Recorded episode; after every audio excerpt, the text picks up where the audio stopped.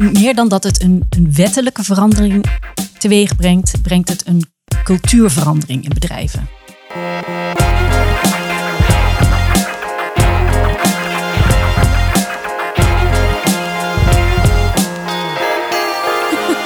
This is the brief. Hallo, goedemorgen, goedemiddag of goedenavond wanneer u dit ook luistert. En welkom bij de Brief, de podcast over content, marketing en media. Vanavond is het 23 januari 2018 en dat betekent dat u luistert naar de 32e aflevering alweer. Deze aflevering gaat over privacy en de GDPR. Mijn gast weet daar alles vanaf, maar eerst aan mijn linkerhand vriend, collega en algeheel mooie vent, Matthijs Tielman. Hallo. Is het met je? Goed. Wat heb je allemaal gedaan? Eh, gewerkt. Oh, Ja. Waaraan? Aan, eh, nee, daar kan ik nog niks over zeggen. Mooie dingen.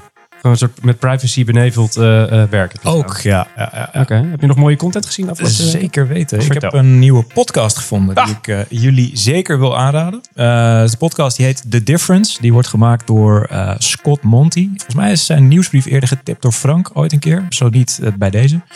Ehm, ja, die man die is mediastratege, consultant, weet een hoop over ons vak en maakt nu een podcast. En The Difference gaat eigenlijk over het feit waarom eh, sommige bedrijven slagen in het digitale tijdperk en andere eh, ja, keihard falen.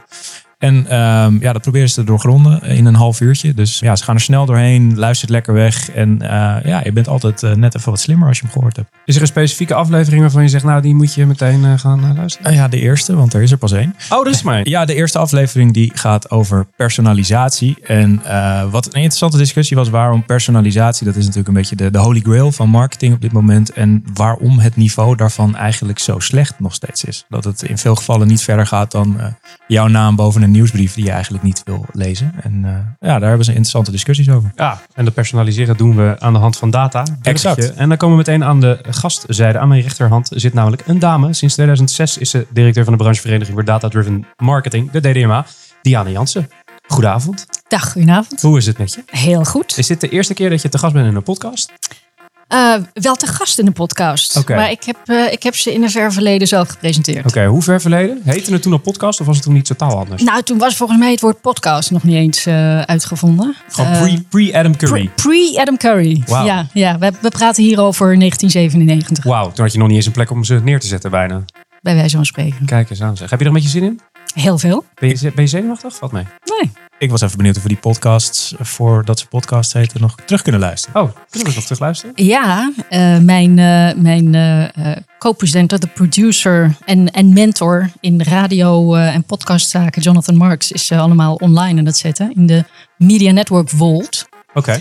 En ik was toevallig eh, van het weekend, eh, eh, zag ik er wat voorbij komen. En ik zag een, een special uit 1997, een Summer Safari, waarin wij in Silicon Valley zijn. En daar ehm, een aantal mensen interviewen die bezig zijn met de voorloper van de smartphone. En mensen die met plasmaschermen bezig zijn. Echt, ik denk, jee, hoe lang geleden was dit? Ja, toen we in Nederland allemaal nog dachten dat we überhaupt geen mobiele telefoon nodig hadden. Toen het, toen het woord World Wide Web in Nederland eh, nog maar nauwelijks eh, bekend was. Mooie, mooie tijd. Nou, zo- zodra die afleveringen allemaal online staan, kunt u die thuis natuurlijk zien in de podcast. Daar gaan we straks het linkje van noemen. Maar eerst gaan we naar het nieuws. Ja, zijn we weer terug. En zoals u van ons gewend bent, bespreken we iedere aflevering van de Brief 3 nieuwsitems die de media- en marketingwereld in zijn of haar ban hebben gehouden. Het eerste nieuwsitem van de week komt bij ons via Frank News. En eigenlijk is dat, eh, eh, dat artikel wat te koppelen heeft. Hoe lang is bereik als verdienmodel nog houdbaar voor, eh, voor nieuwsmedia, Telegraaf, AD en nu.nl, is eigenlijk heel, is heel dat stuk een beetje gebaseerd op een publicatie van Amerikaanse uitgever en publicist Josh Marshall.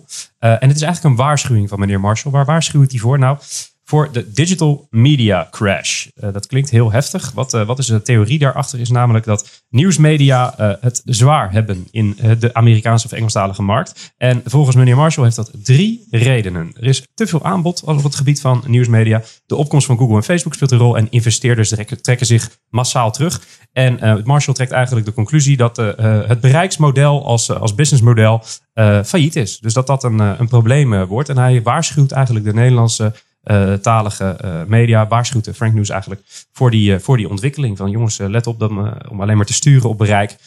Want dan gaat je verdienmodel naar de haaien. Nu weet u thuis natuurlijk dat deze podcast gemaakt wordt door Wayne Parker Kent. Wij zijn natuurlijk ook een publisher, dus hier dienen we een mening over te hebben. Nou, heb je mazzel, want die hebben we. Want wat is nou het geval? Onze, onze kijk op de zaak eigenlijk, en Matthijs, als ik nu dingen ga roepen waar je het mee oneens bent, moet je het zeggen, is dat er eh, drie factoren zijn die je als publisher goed eh, in de hand moet houden en ook als merk eh, in de hand moet houden. Dat zijn namelijk impact, schaal en controle. En deze meneer Marshall heeft het eigenlijk alleen maar over bereik, eigenlijk alleen maar over schaal. En daarmee mist hij volgens ons een hele, twee, twee hele belangrijke factoren. Want zonder impact bereik je heel veel mensen met een slecht verhaal, maar zonder schaal bereik je eigenlijk heel weinig mensen. En zonder een ongecontroleerde omgeving, dan val je inderdaad ten prooi aan Mark Zuckerberg en zijn eh kornuiten, om het zo maar te zeggen. Ehm, dus wij zijn eigenlijk van mening dat het, het bereiksmodel daadwerkelijk wel kapot is. eh, eh, maar dat je daarom gewoon een gebalanceerde verhouding tussen impact, schaal en controle moet hebben. Dat is volgens ons, en Matthijs, je knikt. Ik ben het er helemaal mee eens. Ja? Ja, zeker. Oké. Ja, ja het, is, het is, ik vind het sowieso een gek verhaal. En, en we hebben straks weer iets over Facebook en het algoritme, waardoor de bereikcijfers van heel veel sites in elkaar klappen. Ik vind het heel gek dat men daar zo paniekerig over doet. Want als je toch je verkeersbronnen niet differentieert als publisher zijnde of als merk zijnde, dan, dan leg je al je eieren in één mandje. Dat is Ja. toch helemaal niet handig. Nee, maar ik denk dat dat ook gewoon het, het ding is wat nu steeds harder eh, naar voren komt. En de macht van eh, ja, de, grote, de grote vier uit Amerika, die, die wordt steeds groter. En wij worden er steeds afhankelijker van. En we doen dat ook een soort van slapend, zeg maar, als, als business zijnde. En ehm, ja, deze man heeft in die zin gewoon gelijk. Dat alleen maar het jagen naar kliks naar jouw site via deze kanalen, dat, dat heeft gewoon zijn langste tijd gehad. Eh, of je moet ervoor gaan betalen. En eh, je kunt veel beter inderdaad een andere strategie oppakken, eh, differentiëren over verschillende eh, bronnen van traffic. En ook gaan kijken of je op verschillende manieren geld kan verdienen. En ehm, ja, daar word je toe gedwongen. Ik denk dat dit op termijn eigenlijk alleen maar goed is voor de business. Want mensen die ja, kwaliteit leveren en, en dus ook mensen daarmee echt weten te bereiken en te raken, die zullen gaan overleven. Dus de, de- de kwaliteitsslag zal gemaakt gaan worden. Ja, ik ben ook wel benieuwd of Nederlandse nieuwsmedia überhaupt, die, die zullen hier toch wel mee, eh, mee bezig zijn. Ik neem aan dat een, een, een nu.nl toch wel eh, eh, een, een redelijk gevarieerd aanbod van verkeersdrivers heeft. Ehm, wellicht dat de hoofdredacteur uh, Gertjaap Hoekman daar een keertje wat over kan komen vertellen. Dus Gertjaap, je bent bij deze uitgenodigd om te gast te zijn in de brief. De volgende eh, eh, nieuwsverhaal wat we hebben gaat dus over de grote blauwe reus, Matthijs. Ja, ja was vorige week. algoritmes. Ja, zeker. Ja? Vind je leuk, hè? Algoritmes. Hou je van? Ja. Nee, vorige week werd natuurlijk bekendgemaakt door Mark Zuckerberg dat er een flinke wijziging gaat komen in het algoritme van Facebook. Ehm, wat gaan ze doen? Ehm, nou ja, ze kwamen erachter eigenlijk dat mensen vinden Facebook niet zo leuk meer. Mensen worden er, ja, uit ons eigen onderzoek bleek ook dat mensen enigszins depressief kunnen worden, zelfs na het gebruik van Facebook. Eh, dat moet niet. Facebook moet een plek blijven waar eh, ja, het gezellig is, waar het leuk is, waar je blij van wordt, eh, volgens Mark. Ehm, en een van de oorzaken van het feit dat mensen ehm, ja, ongelukkig worden van Facebook, is dat er heel veel nieuws op staat en heel veel passief te consumeren content. Wat zeggen ze daar eigenlijk mee? Content van bedrijven, merken en nieuwsoutlets. Dat vind je, je kijkt het wel, je leest het, maar vaak word je daar eh, negatief emotioneel door geraakt. Je wordt er ongelukkig van. Terwijl de foto's van je neefje die net kan lopen of eh, van de kat van je zus die iets geks doet, daar word je hartstikke gelukkig van. Dus wat gaat Facebook nu doen? Ze gaan het algoritme zo tweaken dat content vanuit je vrienden weer belangrijker wordt dan content van publishers. Nou ja, dat eh, waar we het net over hadden, zorgt dus voor grote paniek. Ehm, eh, zoveel paniek zelfs dat de, toen Mark Zuckerberg dit bekend maakte, dat Facebook 4% van zijn waarde verloor. En dan denk je 4% dat valt toch wel mee. Het gaat hier over 24 miljard dollar in eh, nou ja, een uurtje tijd. Dat is best wel veel geld. Ja, dat is een klein, eh, klein land. Dure opmerking. Ja, hè? Ja. Ja, nou en, en ehm, ja, paniek. En, en dan vraag je af waarom eh, doen ze dit? Ehm, en uiteraard is daar dan het blog, blog eh, Stratechery van Ben Thompson ehm, ook weer een tip. Ga het lezen. Die man die eh, neemt dit soort feiten en analyseert ze altijd extreem diep. En eh, ja, ieder stuk wat je daar gelezen hebt, word je slimmer van. En zo ook eh, met dit onderwerp. En hij zei eigenlijk dat Facebook, ja, ze hebben gelijk dat ze nu aan een soort zelfregulering doen. Ehm, Facebook wordt steeds groter en krijgt steeds meer de ogen van antitrust partijen op zich. Ehm, dus ze, ze reguleren zichzelf nu met deze, met deze regel. En hij schrijft ook dat eh, het is een feit dat het Facebook niet zo heel veel meer uitmaakt. Dat ze minder advertenties gaan verkopen. Want ze zijn inmiddels zo groot en zo monopolistisch. Dat ze ondanks het feit dat er eh, niet zo heel veel nieuwe mensen meer bij komen. En dat ze minder advertenties gaan laten zien. Gewoon de prijs van een advertentie kunnen opkrikken. En dat daardoor de waarde voor de shareholders eh, allemaal hartstikke veilig is. Ja, want het is natuurlijk wel een, een. Ja, je zegt ze zijn een zelfregulering aan het doen en ze brengen het ook van. ja, we willen ons netwerk beter maken, maar dit riekt toch wel weer gewoon aan de volgende move om publishers en merken gewoon in die Facebook-ad-omgeving gewoon nog meer geld uit hun portemonneetje te troggelen. Ik denk inderdaad, als jij gewoon net even iets meer centjes er tegenaan gooit, dat jouw boodschap best nog wel voor eh, Ja. onze ogen terecht gaat komen. Ja. Wat, wat is jouw kijk op de zaak, eh Diana? Hoe, zie- hoe zie jij die, die, die reactie van publishers jegens die hand van Facebook om hun keel die steeds harder begint te knijpen? Nou, dat, dat kan ik me heel goed voorstellen. Kijk, ik denk dat Facebook opereert gewoon op een heel ander. eh, de overwegingen van Facebook kan je niet vergelijken met de overwegingen van de Nederlandse uitgevers. Facebook eh, ziet zichzelf helemaal niet zozeer als het grote eh, bedrijf dat zo dominant is. Dat, dat natuurlijk ook wel, maar zij concurreren, zij spelen op het schaakbord van de grote internationale vijf, zes. En, en daar moeten zij gewoon de dominante eh, positie krijgen. Nou, en wetende dat in Amerika steeds meer stemmen opgaan en in, eh, in, eh, in Europa ook af en toe om te zeggen van nou, die grote partijen worden allemaal veel te machtig. Daar moet maar eens geknipt gaan worden. Ehm, ja, dat, dat wil je niet. Ehm, dat wil je voorkomen. Kan ik me ook voorstellen als je Als Facebook zijn. als Facebook zijnde. Ehm, dus ja, ik denk dat dat overweging één is. En ehm, ja, goed, over de verdere ehm, denkpatronen van, eh, van Mark laat ik mij maar niet uit. Zijn, zijn er merken, is Facebook een gespreksonderwerp bij de DDMA? Zeker wel. Ja? Ja, ja, ja. En is, is dan de, de, de, de houding van de merken die bij jullie zijn aangesloten te vergelijken met die van de exportanten? Nou, kijk, een, een, een merk wil onder de aandacht komen van zijn kopers of van zijn donateurs of van zijn bezoekers. Eh, dus je, je wilt daar aanwezig zijn waar de, waar, waar de ogen zijn of waar de oren zijn.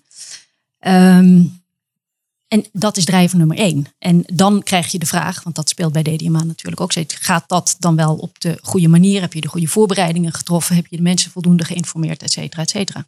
Ja. Ja, ja het, is, het is een. eh, ik, ik blijf het enerzijds een briljante eh, strategie vinden van Facebook. Anderzijds ergens ook wel een soort van bijna oneerlijk. Ja. ja, ze zijn zo groot dat ze in principe hun eigen regels maken, Ja. denk ik. ja, en zolang de mensen blijven komen, komen eh, zeg maar de gebruikers blijven komen en, en op het platform zijn, dan zullen adverteerders daar toch wel voor gaan betalen. Ja. Eh, ongeacht het tarief. Eh, het laatste nieuwsitem van deze aflevering is wat lichter, want we hebben het nu al twee keer over grote ontwikkelingen. hebben we het gehad. We proberen er altijd iets leuks tussen te stoppen. En dat hebben we gevonden en het gaat ook nog eens over hondjes. Ehm, wat is er nou precies gebeurd? Nou, er was een, een, een universiteit in Glasgow, of eigenlijk de universiteit in Glasgow, die ontdekte dat honden, eh, individuele honden hebben dus allemaal een eigen muzieksmaak. Hoe ze daar precies achter zijn gekomen, nou, dat weet ik niet. Maar Nee, in ieder geval, uitzoeken. het is, het is eh, eh, die ene mopshond houdt van eh gangsterrap en die tackle die houdt van Mozart Balkan dance of zo, weet ik veel. Maar dat, daar hadden ze dus onderzoek naar gedaan. Best wel grappig. En toen hoorde Spotify dat. En Spotify dacht, muziek, dat zijn wij. En hondjes, dat scoort ook goed online. Hier kunnen we wat mee. Althans, eh, het Agency Service Plan, of Agency Service Plan, is maar net hoe je het ziet. eh, die bedachten een campagne samen met Spotify. Hoe heet die campagne? Die campagne heet Adoptify. En Adoptify is eigenlijk een samenwerkingsverband tussen een Duitse kennel, waar allemaal hondjes zitten te wachten op een baantje met, met van, die, van die zielige ogen die je ook wel eens ziet op de televisie, eh, en, en Spotify. En, en er is dus een actiepagina die heet adoptify.cc of zo. Gaan we een linkje in de show notes van stoppen. En daarin zie je dus hondjes bijna gesegmenteerd op muzieksmaak. Dus daar zie je Bobby staan en Bobby houdt heel erg van Latin. Dus hou jij ook van hondjes en van Latin, kom Bobby bekijken bij Hondenkennel in dat ene Duits plaatje wat ik even vergeten ben. Best wel een leuk dingetje, vond ik, Matthijs. Maar jij bent niet een hondpersoon, of wel? Ben je een honden, hondenmens? Waar maak je dat nou weer uit? ja, weet ik niet, omdat je zo, eh, zo, zo grimmig naar me loopt te kijken. Nee, nee, nee. Ik vind, het- ik vind het grappig. Ik moest heel erg denken aan, aan de, de dingen die wij eerder hebben geroepen. Is dit eh, voor kan of is dit voor een klant? En, en ik heb heel sterk het gevoel dat dit een heel leuk idee is. Wat eh, minimaal is uitgewerkt om zoveel mogelijk awards binnen te harken. komend awards seizoen. Ja. En eerlijk gezegd, ik vind het een leuk idee, zeg maar. Het is, het is super lachen. Ik geloof echt wel dat honden ook muzieksmaak hebben. Eh, en en eh, dat Spotify daarop inspringt, top bedacht en hartstikke leuk. Alleen de, de uitwerking vind ik wat beperkt. Het is een leuke website. Je ziet die hondjes reageren echt op die muziek. Dus dat is heel tof. Alleen eh, ja, de follow-up. Weet je, ik had dan eigenlijk willen zien dat... Weet je, Spotify serveert mij elke week een, een playlist uit van obscure liedjes die ik oh, leuk vind. Omdat zij weten wat ik leuk vind. Ja, laat mij dan ook gewoon puppies zien die, die, die mijn muziek Die daarbij horen. Ja, dat ik gewoon eh, die tackle kan, eh, kan adopteren die van eh, eh, Engelse hip-hop houdt. Of, dat- of dat je na een paar maanden kunt zien het zijn altijd tackles die Ja, van mijn muziek houden. exact. Dus ik, mijn volgende hond wordt een tackle. Dat je ontdekt welke hond je bent. Ja, precies. Dat is bijna een BuzzFeed artikel. Ja, Ja. wat voor hond ben jij? Ja, precies. Mijn vriendin zou overigens heel blij zijn met een tackle. Maar eh, Oké. ik denk dat we door moeten naar het Houdt volgende. ze van Engelse hiphop? Dat is een beetje nee. Nee, nee, nee. Goed. Wie weet wel van tackles kan ze in ieder geval klikken. Dat wordt op- toch die mopshond. Ja, Ja, dat is toch de mopshond. Oh, de mopshond die houdt van Engelse hiphop. Nou, eh, bent u ook eh, benieuwd naar wat voor muzieksmaak u hebt eh, die vergelijkbaar is met een hond? Dan kunt u klikken op het linkje in de show notes, want daar staat iedere verwijzing die we deze aflevering doen eh, netjes op een rijtje. Dat doet onze redactie altijd keurig. Eh, die vind je op wayneparkerkent.com slash podcast of het linkje in de beschrijving van deze video. Eh, dan gaan we eh, nu naar het interview, maar eerst even dit. Deze podcast is een initiatief van Wayne Parker Kent. En bij Wayne Parker Kent zijn we altijd op zoek naar talenten die ons kunnen versterken. De openstaande vacature van deze week is Head of Video. Kijk voor alle vacatures op wayneparkerkent.com slash jobs of klik op het linkje in de show notes van deze aflevering. Ja, zoals gezegd, eh, Diana Jansen, directeur van de DDMA. Eh, Diana, je zit nu 12 jaar uit mijn hoofd. Lang, hè? Nou, Niet uit mijn hoofd, heb ik hier op een briefje staan. Zit je al bij de DDMA? Klopt. Wat is er daar zo leuk? Nou, de EDMA is gewoon heel leuk. Maar wat En- maakt het leuk? Wat maakt het leuk is ehm, dat, het, eh, dat het vak zo snel verandert. Als je de ontwikkelingen ziet over de afgelopen twaalf jaar. de ontwikkelingen in, in data die verzameld worden. De, de technologische eh, ontwikkelingen die er zijn geweest. Ehm, en het feit dat je eh, vooral ook de creativiteit niet moet vergeten in ons vak. Dus het zijn altijd die drie dingen natuurlijk. Data, technologie en creativiteit. En de, de, de aandacht voor een van die aspecten over die twaalf jaar. Want de focus ligt elke keer weer er- ergens anders. Ik bedoel, eh, de technologie.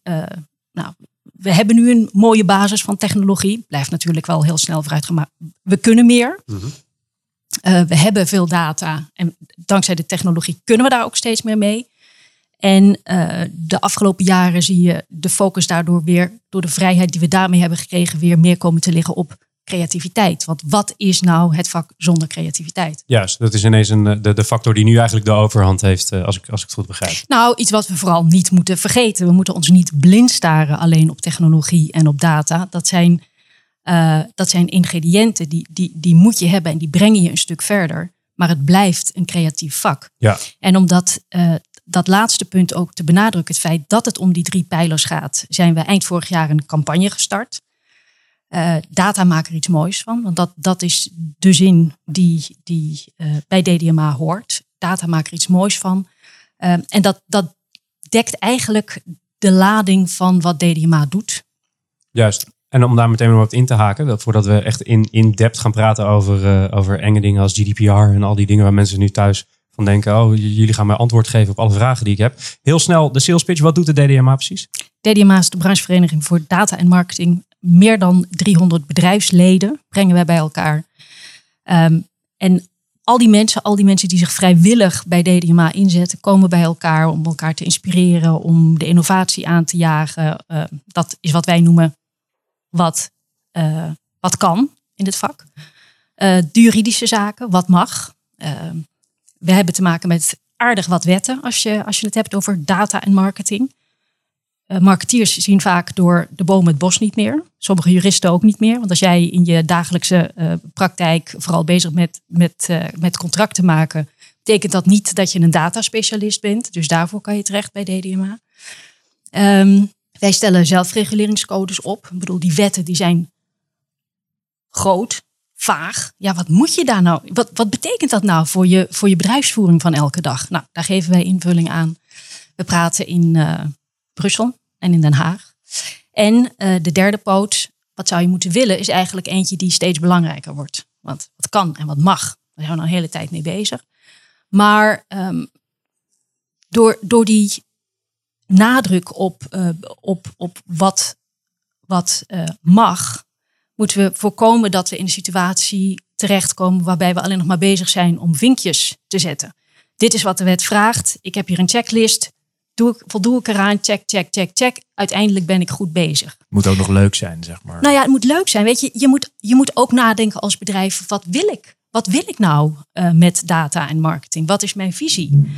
Ben ik, doe ik recht aan mijn merk en doe ik recht aan mijn, aan mijn klanten of aan mijn donateurs als ik op deze manier met data omga? Ik, ik voldoe wel aan de wet, maar past het bij mijn merk? Is dit wat ik wil? Is dit wat mensen van mij verwachten? En dat zie ik eigenlijk veel te weinig terug in Mensen schuren eigenlijk te dicht tegen de wet aan. Begrijp ik dat? Nou ja, mensen zijn onzeker over de wet. Eh, mijn god, hemel, kan ik er wel aan voldoen? Eh, wat moet ik allemaal geregeld hebben? Eh, mensen hebben het gevoel dat er ongelooflijk veel verandert in mei van dit jaar. Nou, dat valt eigenlijk wel mee wat er, wat er verandert. Want heel veel geldt ook al onder de huidige wetgeving. Maar ehm, iedereen is zo bezig om zijn datahuishouding op orde te krijgen. Dat ik zie dat, ehm, dat er niet gepraat wordt over wat je nou eigenlijk met die data wilt die je verzamelt. En ik denk dat dat een onderwerp is dat veel meer besproken moet worden. Door het hele bedrijf heen, maar zeker op de agenda van directies moet komen. Ja, ik, ik, las, ik las op jullie eh, eh, website van de DDMA dat er heel veel discussies worden gevoerd intern om elkaar te blijven inspireren. Eh, los van die, van die enge GDPR slash AVG, want zo mag je hem ook noemen, heb ik vandaag geleerd. Los van die wetgeving, wat was in 2017 een van de discussies die er heerste? Was dat rondom creatie? Was dat om, wat heb je vaak voorbij horen komen?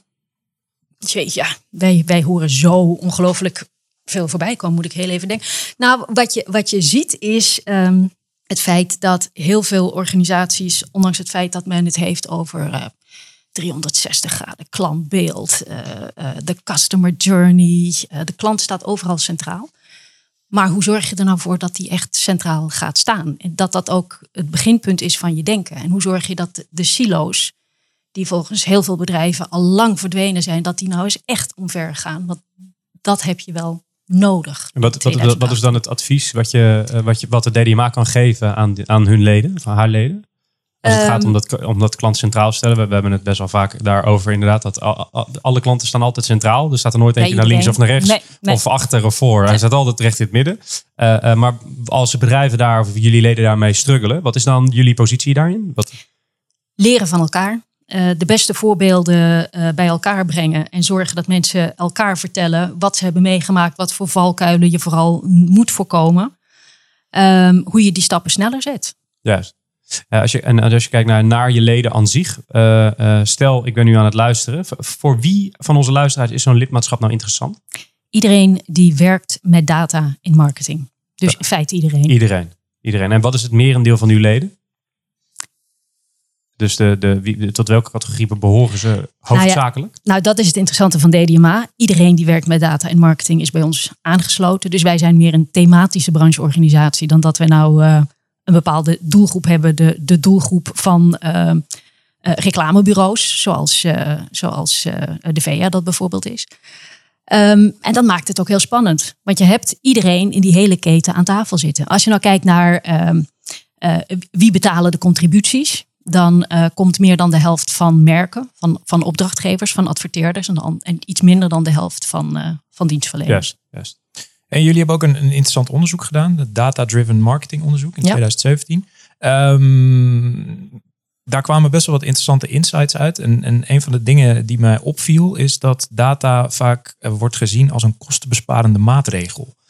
En daar moest ik een beetje bij nadenken van, is dat dan dat mensen denken dat ze door met data te gaan werken ja, minder collega's nodig hebben en daardoor eh, geld besparen? Of, of Nou, dat, dat denk ik niet. Dat hoop ik in elk geval niet. Want je hebt die data nodig om juist inzichten te verwerven.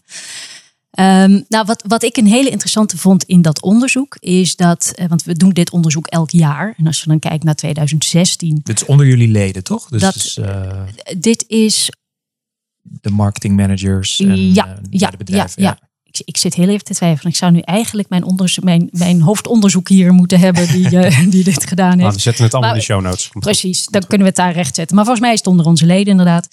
Ehm, dat je in 2016 en 2000, nee, 2016 werden de investeringen vooral gedaan in eh, technologie en in innovatie.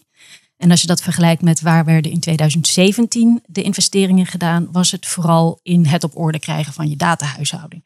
Dus daar Weten zie wat je, je- meet.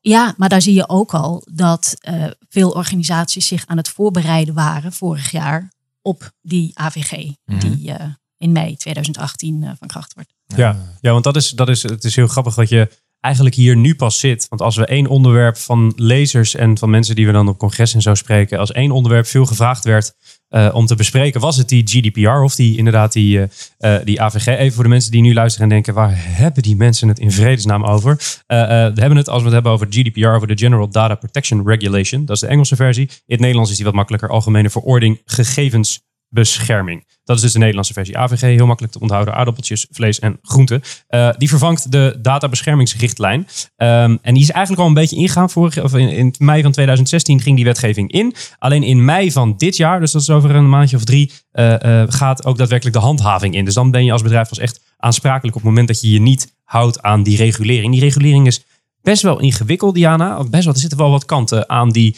bedrijven nog niet helemaal goed begrijpen. Ik was heel erg benieuwd eh, als jij op een eh, verjaardag zou zitten en je moet het uitleggen aan de normale consument. Dus niet aan je leden, maar aan de, de, de, de huis, tuin en boeren eh. Laten we het zo noemen. Hoe, wat leg je dan uit? Hoe, hoe, hoe leg je zoiets uit als een GDPR? Nou, vooral beginnen met vooral niet in paniek raken. Want ik hoor heel veel dat er heel veel verandert. Maar laat ik beginnen met te zeggen, er blijft heel veel hetzelfde. Heel veel van, het is niet, niet dat we in een apenland leven waar niks geregeld is en dat dat vanaf mei 2018 heel anders gaat zijn. Ehm, de meeste regels eh, die, waaraan je moet voldoen in 2018, eh, mei 2018, daar moet je nu ook al aan voldoen. Het belangrijkste is, of een van de belangrijkste dingen, ik weet niet eh, wie er allemaal luistert naar dit, dus laat ik me heel genuanceerd uit. Alleen maar professionals. Alleen maar professionals, precies. Ik ga me heel genuanceerd Ja. uitdrukken. Ehm, is dat je, ehm, je, dat je beter inzichtelijk moet hebben en dat ook moet kunnen aantonen wat voor data je hebt. Ehm, waar je ze hebt opgeslagen, waarom je ze hebt opgeslagen, wie er toegang toe heeft. Eh, met wat voor doel je ze hebt opgeslagen, hoe lang je ze gaat opslaan. Dus dat in feite, we hadden toevallig vanmiddag eh, bij DDMA een, eh, een AVG-bijeenkomst, een voorlichtingsbijeenkomst. En een van de sprekers die had een hele mooie vergelijking. Die zei: Weet je, het is in feite, je hebt altijd al een, een, een financiële boekhouding moeten bijhouden. En nu moet je ook een databoekhouding bijhouden. Zorg dat je hem in orde hebt. Dus eigenlijk gaat dit betekenen dat de tijd van verzamelen om het verzamelen is voorbij. Van we registreren alles maar, want dan hebben we het in ieder geval. En nu is het gewoon het enige wat we gaan doen is het bewust opslaan en de rest doen we dan gewoon niet meer. Ja, nou dat, dat was hoop ik ook al zo. Maar nu moet je veel meer kunnen aantonen dat wat je verzamelt, dat, eh, met, dat je moest ook al aantonen met wat voor doel je dat deed. Maar eh, ik denk dat, dat het voordeel van de, van de GDPR is dat mensen zich er veel meer bewust van zijn nu. Dat ehm, het veel meer dan dat het een, een wettelijke verandering teweeg brengt, brengt het een cultuurverandering in bedrijven teweeg. En dat is wat ik ook hoor van mensen die hiermee aan de gang moeten in bedrijven. Die zeggen van, ja weet je, eindelijk staat het ook op de agenda van de CEO. En eindelijk staat het ook op de agenda van de board. Dus eh, dit lag altijd al op mijn bordje. Maar nu ineens krijg ik er tijd en geld voor. Nou ja, dat lijkt me grote winst. Hoe, hoe zou het dan, want wat je, wat je zegt is eigenlijk, jongens, doe rustig aan. Er verandert niet zo heel veel. Lees het dan maar rustig door. Je doet 9 van de 10 dingen al. Als ik chargeer moet je het zeggen hoor. Ja, Hoe- je chargeert. Ja, Eh, maar hoe, hoe komt het dan dat er toch zo'n paniek lijkt te zijn? Of zo'n, je kan Adformatie of Frank News of noem het maar op niet openslaan. Ook de internationale blogs. Jongens, let op, let op, let op. Eh, vanaf mei is het Judgment Day. En eh, als je één misstap hebt gemaakt in de afgelopen 100 jaar, dan eh, kan je je tent opdoeken. Het idee Ook wat ik daar heel erg maar- bij heb, is, is dat, ehm, ook als ik mensen spreek, is het heel vaak van de marketeers denken dat de legal afdeling het gaat doen. Legal denkt dat IT dit voornamelijk moet oplossen. En IT vindt het een marketing issue. En dat merk ik bij, bij de mensen die ik het meest spreek. Nou ja, en, en weet je, er moet, er moet bepaald zijn bij wie ligt dit, wie gaat dit doen en wat is je plan? Wat, nou liefst, wat is je visie? Eh, hoe ga je dit aanpakken? Wat is je plan? Wie is verantwoordelijk? Hoeveel geld wordt ermee vrijgemaakt en wanneer moet het af zijn? Nou, dat, dat, dat lijkt me een hele goede stap. En even dat je, je zei, nu chargeer ik. Ja, je chargeerde. Want, eh, en als ik dit gezegd heb, dan trek ik het bij deze terug dat je je geen zorgen moet maken. Laten we even eerlijk wezen. Als je hier nog aan moet beginnen, nu, Dan moet je je zorgen maken. dan zou ik me inderdaad zorgen gaan maken. Dan ben je, dan ben je redelijk laat. Nou, stel ik, oké, laten we hier even op doorpakken. Stel, ik heb een, eh, een, een mooi digitaal mediabedrijf. En ik hoor dit en ik denk GDPR. Wat, eh, nou, het is eh, dat die jongen met die stem het uitlegt. Maar ik heb er nog nooit van gehoord. Ik ben het nu aan het googlen op Wikipedia. En ik heb nog niks gedaan. Wat moet ik als eerste doen? Bel DDMA. en wat gaat de DDMA dan zeggen? Ehm, dan gaan we jou uitleggen wat de basis eh, eh, is. En dan gaan we jou vragen wat voor bedrijf je bent. Kijk, als jij, eh, als jij de bakker om de hoek bent, dan, ja, dan ben je sneller klaar dan wanneer je Philips bent. Nou weet ik toevallig dat zij daar al een hele tijd mee bezig zijn. Dus dat, dat komt allemaal wel goed. Ehm, nee, maar dat, is belangrijk. Informeer je. Ehm, wees er, informeer jezelf over wat er moet gebeuren. Heel belangrijk dat je weet, zoals ik al zei, wat voor data je verzamelt. eh, waarom, waar je ze opslaat. De datastromen in je bedrijf moeten duidelijk zijn. Juist, dus je gewoon de, de, de totale infrastructuur eventjes op papier knallen. Daar begint het mee. Knallen, ja. Maar ik ben, ik ben wel benieuwd. Zoals kijk, de Philipsen van deze wereld, die kunnen daar gewoon een taskforce van tien man op zetten. En, en eh, die hebben daar geen last van. Maar wat gaat de, de, de eenpitter of dat kleine eh, reclamebureautje, wat, wat moeten die doen, zeg maar? Is dat voor hun ook een, redelijk Nou, die, eenvoudig? die hebben gelukkig minder data. Dus ik denk dat het ook makkelijker is om eh, aan de hand van, van een stappenplan, die je, die je overal, je googelt en je vindt er tien en veel meer, eh, te bedenken, die, die stappen te doorlopen en op een rijtje te hebben wat je, wat je moet doen om te beginnen. En anders kunnen ze altijd jullie bellen. Ze kunnen altijd ons bellen. Ja, Ja, nou, nou begin jij ook de DDMA te pitchen, Matthijs. Dankjewel, Matthijs. Zoek waarschijnlijk een nieuwe baan.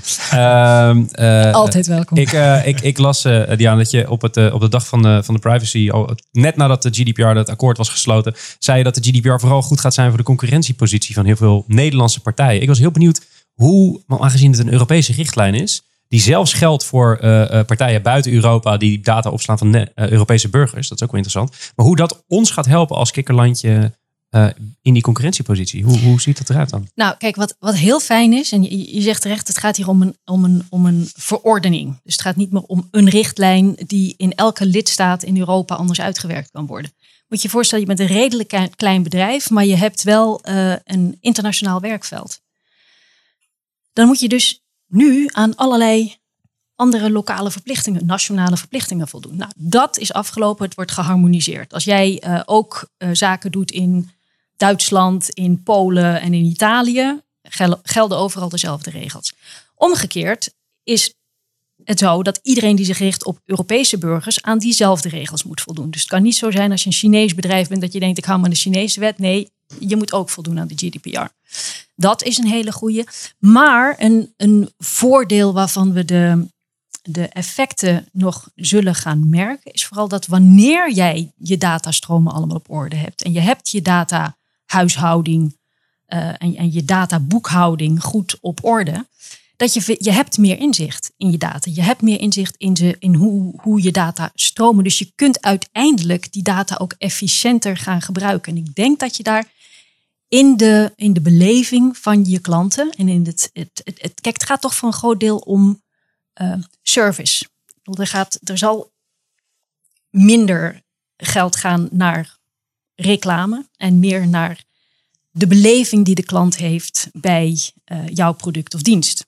Ehm, als jouw data goed op orde zijn, kan je daar meer aandacht aan besteden. Ja, maar als iedereen dat doet binnen Europa, dan verwacht je dan dat Nederlandse partijen hem sneller te pakken gaan hebben of sneller onder de knie gaan hebben, die GDPR? Want in principe, als iedereen zich houdt aan die GDPR-regels, krijgt iedereen even veel inzicht in hun datahuishoudingen. Zou iedereen dus geleidelijk moeten groeien? Of zijn wij zo, zitten wij zo dicht op de bal in Nederland dat je verwacht dat wij het net even wat sneller doorgevoerd hebben? Nou, los, los van, die, van die juridische dingen, denk ik dat Nederland eh, altijd het voordeel heeft dat wij een heel creatief land zijn.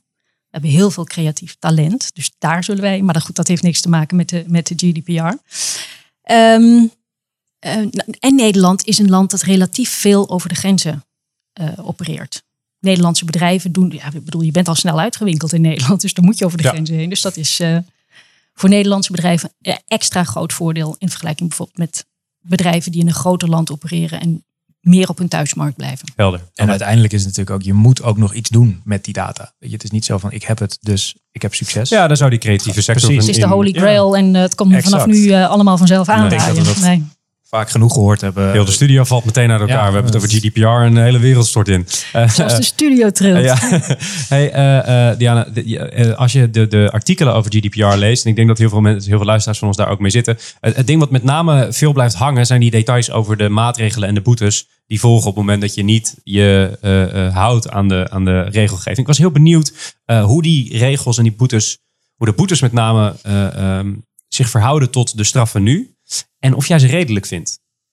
Want ik, ik vond ze nogal toen ik ze las. en Het loopt op tot 20 miljoen, geloof ik. Nou, het, het, eh, ja, 10% van je jaaromzet eh, en tot maximaal 20 miljoen, eh, meen ik. En, en, en die, die beginnen al te tellen op het moment dat je kleine misstappen, nou ja, relatief kleine misstappen maakt op die regulering. Maar dat zou ook mijn im- impressie kunnen zijn van het geheel. Ik zie jou knikken. Nou ja, kijk, eh, de autoriteit persoonsgegevens kan nu 10% eh, boete opleggen.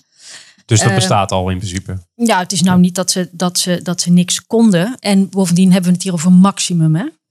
Ehm, en, en een maximum voor het hoogste ver- vergrijp. Er zijn eh, vers- verschillende klassificaties aangelegd. Er is ook een, een, een als, je, je, als je je boekhouding niet goed op orde hebt, dan is het maximum 10 miljoen en eh 2 procent. Ehm, dat is nog steeds veel geld natuurlijk. Ehm, maar ik, ik denk, ik, ik zie niet dat een toezichthouder voor elk vergrijp meteen naar, naar de Meteen met de zweep eroverheen. Ja, weet je, ik kan niet beoordelen of dat, eh, of dat eh, re- reëel is of niet, want er is nog geen boete gevallen. Nee, nou, maar ik, ik, ik moest, om een of andere reden heeft hij verder niet zo heel veel inhoudelijks mee te maken. Maar ik moest een beetje denken aan het rookverbod in de horeca, wat toen werd ingevoerd. Wat in eerste instantie volgens mij best wel streng werd nageleefd. Om er gewoon voor te zorgen dat iedere horecaondernemer in het gareel ging lopen.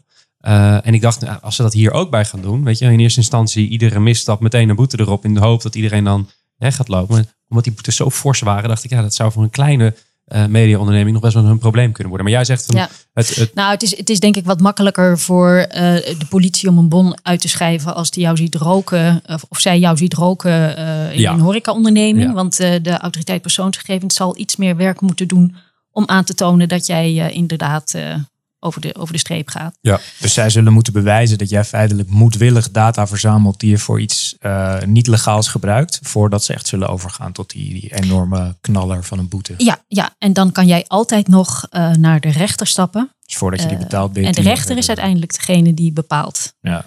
Oké. wat waar is en wat niet. Ja. En, en zitten er in die wet, zoals er zijn een aantal hele grote dingen natuurlijk die erin zitten. zitten er ook nog dingetjes in die wat kleiner zijn? Weet je, de addertjes onder het gras, waarvan je zegt van jongens, let daarop. Ehm, ja, er, zitten heel veel dingen waar je, waar je rekening mee moet houden. Als jij ehm, een, een nieuw project begint, moet je nagaan of je een privacy impact assessment moet doen, bijvoorbeeld. Wat is dat? Zodat je van tevoren al, al, al rekening houdt met de privacygevolgen die dit gaat hebben eh, op de personen tot wie jij je richt.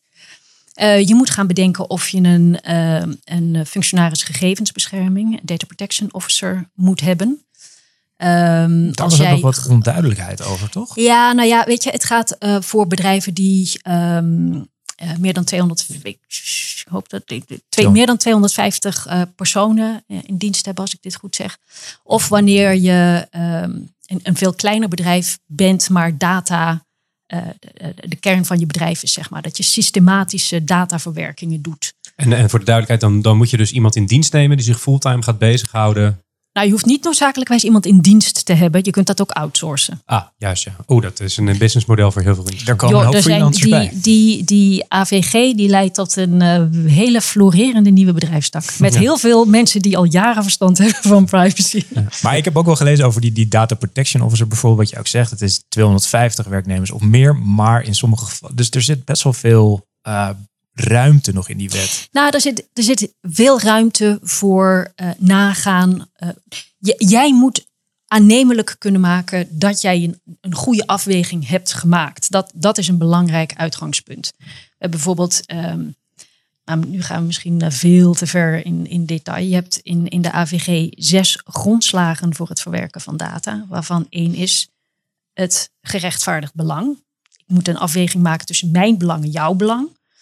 Eh, als alternatief bijvoorbeeld heb je toestemming. Nou, gerechtvaardigd belang. Ik, ik moet aannemelijk kunnen maken, ik moet mijn, mijn, mijn logica wel duidelijk en op schrift hebben wat voor processen ik heb doorlopen. Zou ik je tenminste aanbevelen. Waarom ik denk dat in dit geval mijn belang prevaleert boven jouw belang. En dat is dan waarom ik als bedrijf een specifiek datapunt nodig heb. Ja, waarom ik jouw gegevens zou mogen gebruiken. Ja, ja, een collega van mij die zei vanochtend, eh, eh, wat bijvoorbeeld niet meer mag, is eh, als jij, stel je hebt een winkel, dan mag jij niet meer om e-mailadressen vragen als men een brochure wil downloaden. Omdat je daar in principe geen e-mailadres voor nodig hebt Om die, omdat men, dat, dat is dus een van die belangen dingetjes. Het, het verzamelen van e-mailadressen is bij zoiets simpels. een folder die ook gewoon op de counter ligt als men fysiek naar je winkel komt. dat, hoef je, dat mag je dan dus niet meer doen. Dat is een van de voorbeelden die hij no- noemde. Dus toen dacht ik, nou, er zullen er een hele hoop eh, eh, ondernemers nu een probleem hebben. Want zo'n construct wordt er vaak bedacht om mensen hun e-mailadres af te troggelen. En Ja. het woord aftroggelen zegt al waarom ze deze maatregelen hebben inge- ingevoerd, denk ik. Maar ja, als wij daar dan netjes bij zetten van eh, wij willen graag je e-mailadres opslaan, want we weten graag wie jij bent en ehm, zouden je in de toekomst graag nog meer mooie folders sturen. Nou, Het, li- het lijkt mij dat zo'n opt-in, als men echt zegt en akkoord gaat van oké, als je het om deze reden doet, dan oké, dat het dan wel mag. Nou, ik vind het wel interessant, want als je inderdaad nu zegt van ehm, je downloadt iets, je geeft die opt-in, dan, dan geef je bewust toestemming, zeg maar. Kijk, als wij vervolgens die mensen gaan spammen met eh, koop nu eh, deze schoenen en, en eh, dit en dat en zo en zo. Maar zolang dat gerelateerd blijft aan die folder of dat onderzoek of iets dergelijks. Ja, maar als, als jij mij toestemming vraagt, mag ik jou een e-mail sturen? Dat wordt niet geregeld in de AVG, maar in de telecommunicatiewet. En die telecommunicatiewet, die wordt nu weer besproken. Daar komt ook een, een update voor. Dat wordt de e-privacy regulation. Dat is, nu- dat is nu, telecommunicatiewet is nu een richtlijn. Ook dat wordt een verordening. Eh, en wordt dus ook geharmoniseerd. Maar Dus over een half jaar zit je hier weer om het daarover te hebben. Ja, ja, joh, gezellig. maar er komt dus ook nog een tijdje dat de AVG al eh, van kracht is. Dat de telecommunicatiewet nog in richtlijn van kracht is. En dat we nog even moeten wachten op die e-privacy regulation. Want daarover zijn ze in Brussel nog eh, in druk gesprek wat dat uiteindelijk moet gaan worden. En, en over die privacy gesproken, en dan met name vanuit het perspectief van de, van de consument, daar, daar doen jullie ook onderzoek naar. Hè? De houding van eh, de, de consument eh, op, het gebied van, van privacy. Ik, Zeker. ik weet dat jullie in 2016 een onderzoek hebben gedaan naar die houding. Nu fluisterde je me net toe dat daar een nieuw onderzoek aan zit te komen in februari. Kan je iets vertellen zonder al te veel percentages te noemen, want die zitten natuurlijk onder streng embar- embargo, hoe die houding eventueel veranderd is of hetzelfde is gebleven? Ja, ja wat, wat, wat interessant is, wij hebben eh, bij de verwerking van die resultaten, en ik heb het nu even over 2016, maar dat zullen we ook in 2018 doen. We hebben een, een indeling gemaakt eh, in drie categorieën eh, consumenten. De eh, pragmatici, de sceptici en de onbezorgden. Nou, de woorden zeggen het al. De onbezorgden, die, dat zijn de mensen die zeggen: nee, maar ik heb niks te verbergen. De sceptici zijn de mensen die iets hebben van: nou, nee, liever niet. Van mij geen data. En de eh, pragmatici zijn de mensen die zeggen: van nou ja, je mag mijn data wel hebben, maar wat krijg ik daarvoor terug? Eh, in, eh, in, in 2016 was de grootste groep met 38% waren de onbezorgden. Sceptici waren 28% en de pragmatici waren 34%. Nou, ga ik natuurlijk niet verklappen wat de percentages in 2018 zijn, maar ik kan wel zeggen dat eh, we zien dat de groep pragmatici stijgt. En dat was ook precies wat wij ehm, verwachten. Want eh, dit een soortgelijk onderzoek is in de UK gedaan, steeds een jaar eerder. En daar zag je die stijging naar, naar een groeiende groep pragmatici al. En het is wat wij, wat wij noemen de it's, it's the rise of the consumer capitalist. Ehm, de, de, de, de, consument die zijn eigen data als iets ziet wat je kunt uitruilen of wat je kunt eh, te gelden kunt maken. Ik geef mijn data, wat krijg ik er aan service voor terug? Wat krijg ik er aan eh, financiële eh, compensatie voor? Klinkt, klinkt alsof de consument het spelletje gewoon is gaan begrijpen, wat al jarenlang gespeeld wordt. Nou, dat, dat is een ander iets dat we zien, dat mensen zich meer bewust zijn van de wereld van data. Er is natuurlijk ook heel veel aandacht in de pers voor data. En dat is maar goed ook. Want ik denk dat je, ehm, kijk, als je toe wil naar een, een duurzame data-economie, is een van de elementen in, in een duurzame data-economie dat er een balans moet zijn tussen, tussen consument en, en organisaties. En als, als die balans enorm naar één kant doorslaat, is het niet duurzaam. We hebben bijvoorbeeld in 2016 ook de vraag gesteld aan mensen: wie vind je nou dat er het meest profiteert? Zijn dat organisaties of ben jij dat? En 89% vond toen dat organisaties meer profiteren van data dan zij dat zelf doen. Nou, ik ga niet verklappen. we hadden het bijna bijna, zover. ja. We hadden het er bijna zover. Het- ik, ik las in dat onderzoek van 2016 ook dat eh, heel veel mensen eh, zich wel zorgen maakten om privacy, maar er niet naar handelden. Dat, dat liep eigenlijk een beetje gelijk met het, iets wat wij vonden in het jongerenonderzoek, wat Matthijs met zijn eh, strategy team heeft, heeft uitgevoerd. Die hadden dat eigenlijk ook. Die zeiden, ja, privacy is wel een ding. Wat doe je er wel eens wat aan? Nou ja, eigenlijk niet. Hoe, hoe zit dat nu? Zonder percentages Ja, te doen? ja, ja, de privacy paradox. Ja, dat, dat, dat blijft. Het is wel zo dat mensen zich dus meer bewust zijn van data. Maar goed, als er iets goeds tegenover staat, Ja. dan, eh, dan doen ze toch. En, en bedoel, men is eh, over het algemeen, als je gevraagd wordt, sceptisch over bijvoorbeeld social media. Maar als je dan vraagt, gebruik je het? Ja, dagelijks. Ja. Ja. Maar is dat dan, zeg maar, zien ze dat dan ook als die, die, die currency? Dus, dus Facebook is waardevol genoeg om eh, mijn hele privéleven, zeg maar, aan, aan over te geven?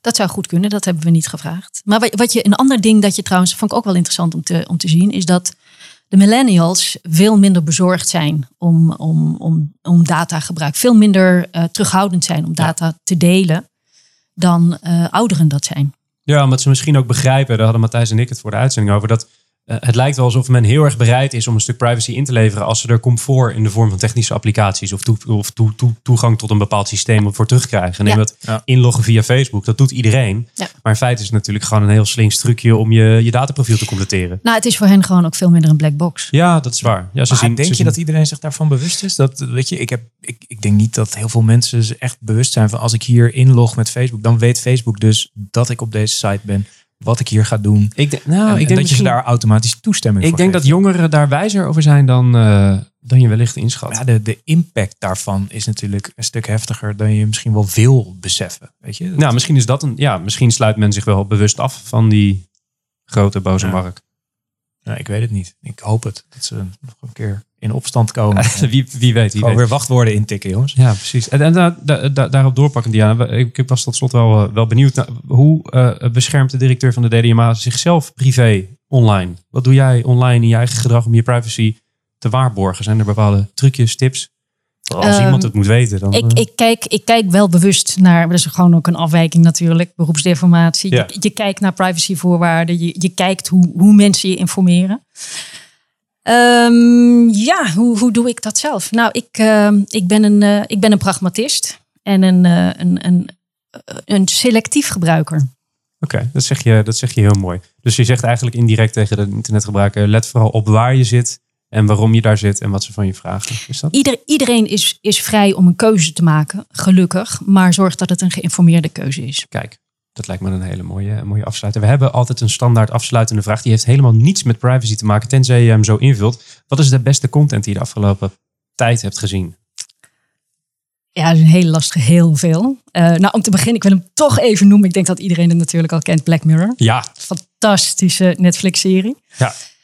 Ehm, een boek dat ik nu aan het lezen ben, eh, Fire and Fury. Ik Denk ook bij de meeste mensen bekend. Ik zag dat hij ook een audioboek is. Dus eh, als je naar de sportschool gaat, mensen die naar een podcast luisteren, die, eh, die eh, midden in de doelgroep. Ja. midden in de doelgroep audioboek gewoon te downloaden. Heb je hem in het Engels of in het Nederlands? In het Engels alleen. Ik geloof niet dat hij, dat hij al vertaald Ja, hij is Nee. vertaald. Ik heb Is hem hij ook in het vertaald? Engels. Ik vind hem wel moeilijk. Nou, ik moet je eerlijk zeggen, ik begon en ik las maar door. En dan kom je op een punt dat je, jezus, ik, eh, ik heb het nu. eh, ik, eh. Maar als je werkt in, in, in, in, in content, in media en marketing, moet je het eigenlijk wel gelezen Ja. hebben. Want het zet toch echt wel de wereld op zijn kop. Je, je gelooft, als je dit zou lezen, ik ben een... Ik ben sinds mijn tienerjaren een ontzettende sci-fi fan, science fiction fan. Als je, als je Ja, maar dit dat- geloof je toch Dat gevoel heb ik ook. Het is, het is af en toe zo debiel dat je denkt, dit kun je niet bedenken. Dit, dit had echt een, een, een eh, Hemingway, weet ik veel, de beste literaire schrijver. Die hadden dit niet kunnen bedenken. Dus Nee. daardoor krijg je meteen zo'n klik van, dit is zo verontrustend dat daar nu iemand in een gebouw zit die, nou ja, ja ik ben er ook Ja. mee bezig en eh, zwaar verbaasd. Nog eentje. Ja, en een vrolijkere? Of is die ook... eh, Nou, vrolijk zou ik het niet willen noemen, maar wel, maar wel heel leuk. En dat is The Friendly Orange Glow. Ehm, als je geïnteresseerd bent in. bedoel, echt, Je moet geïnteresseerd zijn in het verleden. Hoe kan je nou bezig zijn met de toekomst als je het verleden niet kent? Vraag dat maar aan Donald Trump. Ja, je kunt er tegenwoordig president mee worden. Maar laten we het even over de, de, de mainstream persoon hebben. Ehm, en dat gaat over het Plato-project. Dat in die eind jaren 60, begin jaren 70 in, in Illinois, of all places, van de grond kwam. Een, ed- een educatietraject. Maar daar, daar zaten een groep studenten en die hebben in feite alles al bedacht waar we nu mee te maken hebben. Met chatrooms, interactieve games. eh, in de jaren zeventig, toen de technologie er nog helemaal niet was, allemaal heel rudimentair. Maar het was er toen al. Een boek van 640 pagina's, dat zou ik niet lezen. Maar als je kijkt op, wederom, midden in de doelgroep, als je kijkt naar Twit TV. Een interview van anderhalf uur lang met de schrijver eh, Brian Deer. Heb je het hele boek gelezen? Kijk, linkje in de show notes. Heb je het allemaal op een rijtje. Dank Diana Jansen, directeur van de DMA. Kom je de volgende keer snel weer terug? Gezellig. Helemaal goed. Dat betekent dat we aan het einde zijn gekomen van de 32e aflevering van The Brief, de podcast over content marketing en media. Aan mijn linkerzijde Matthijs Tielman, zoals u hem gehoord heeft. Matthijs, dank voor uw komst naar de studio. Heel graag gedaan. Vond je het fijn? Ik eh, had het naar mijn zin. Ik je heb weer wat geleerd. Ja? Dus, eh, ja. Jij gaat morgen met frisse zin Lekker de GDPR. GDPR. Ja, ja, helemaal goed. Nou, vond je deze podcast leuk? Eh, stuur hem dan door naar je collega's en abonneer je eventjes. Dat kan in vrijwel iedere grote podcast-app. De brief wordt zoals iedere aflevering gemaakt door WPK, de agency. Dat is het content marketingbureau van Wayne Parker Kent. Onze mediapartners zijn Adformatie en BNR Nieuwsradio. Hartelijk dank voor jullie partnerschap. De productie is zoals iedere aflevering in de handen van de onvolprezen Kevin Eiken. Die heeft geen microfoon, maar die gaat altijd wat zeggen. Technische ondersteuning werd deze aflevering gedaan door Lianne van Bodegom. Die heeft ook geen microfoon, maar die gaat ook wat zeggen. En de redactie werd gedaan door Sven Alla Kopsa. Van een prachtige achternaam is het toch. Heeft geen microfoon, gaat ook wat zeggen. Mijn naam is Mark Schoones. Tot de volgende keer. De gast dan is Tim van de Wiel van Go Spooky. Dat betekent dat we het gaan hebben over Snapchat marketing. Iets totaal anders. Wordt hartstikke leuk. Tot de volgende keer. Tot over twee weken.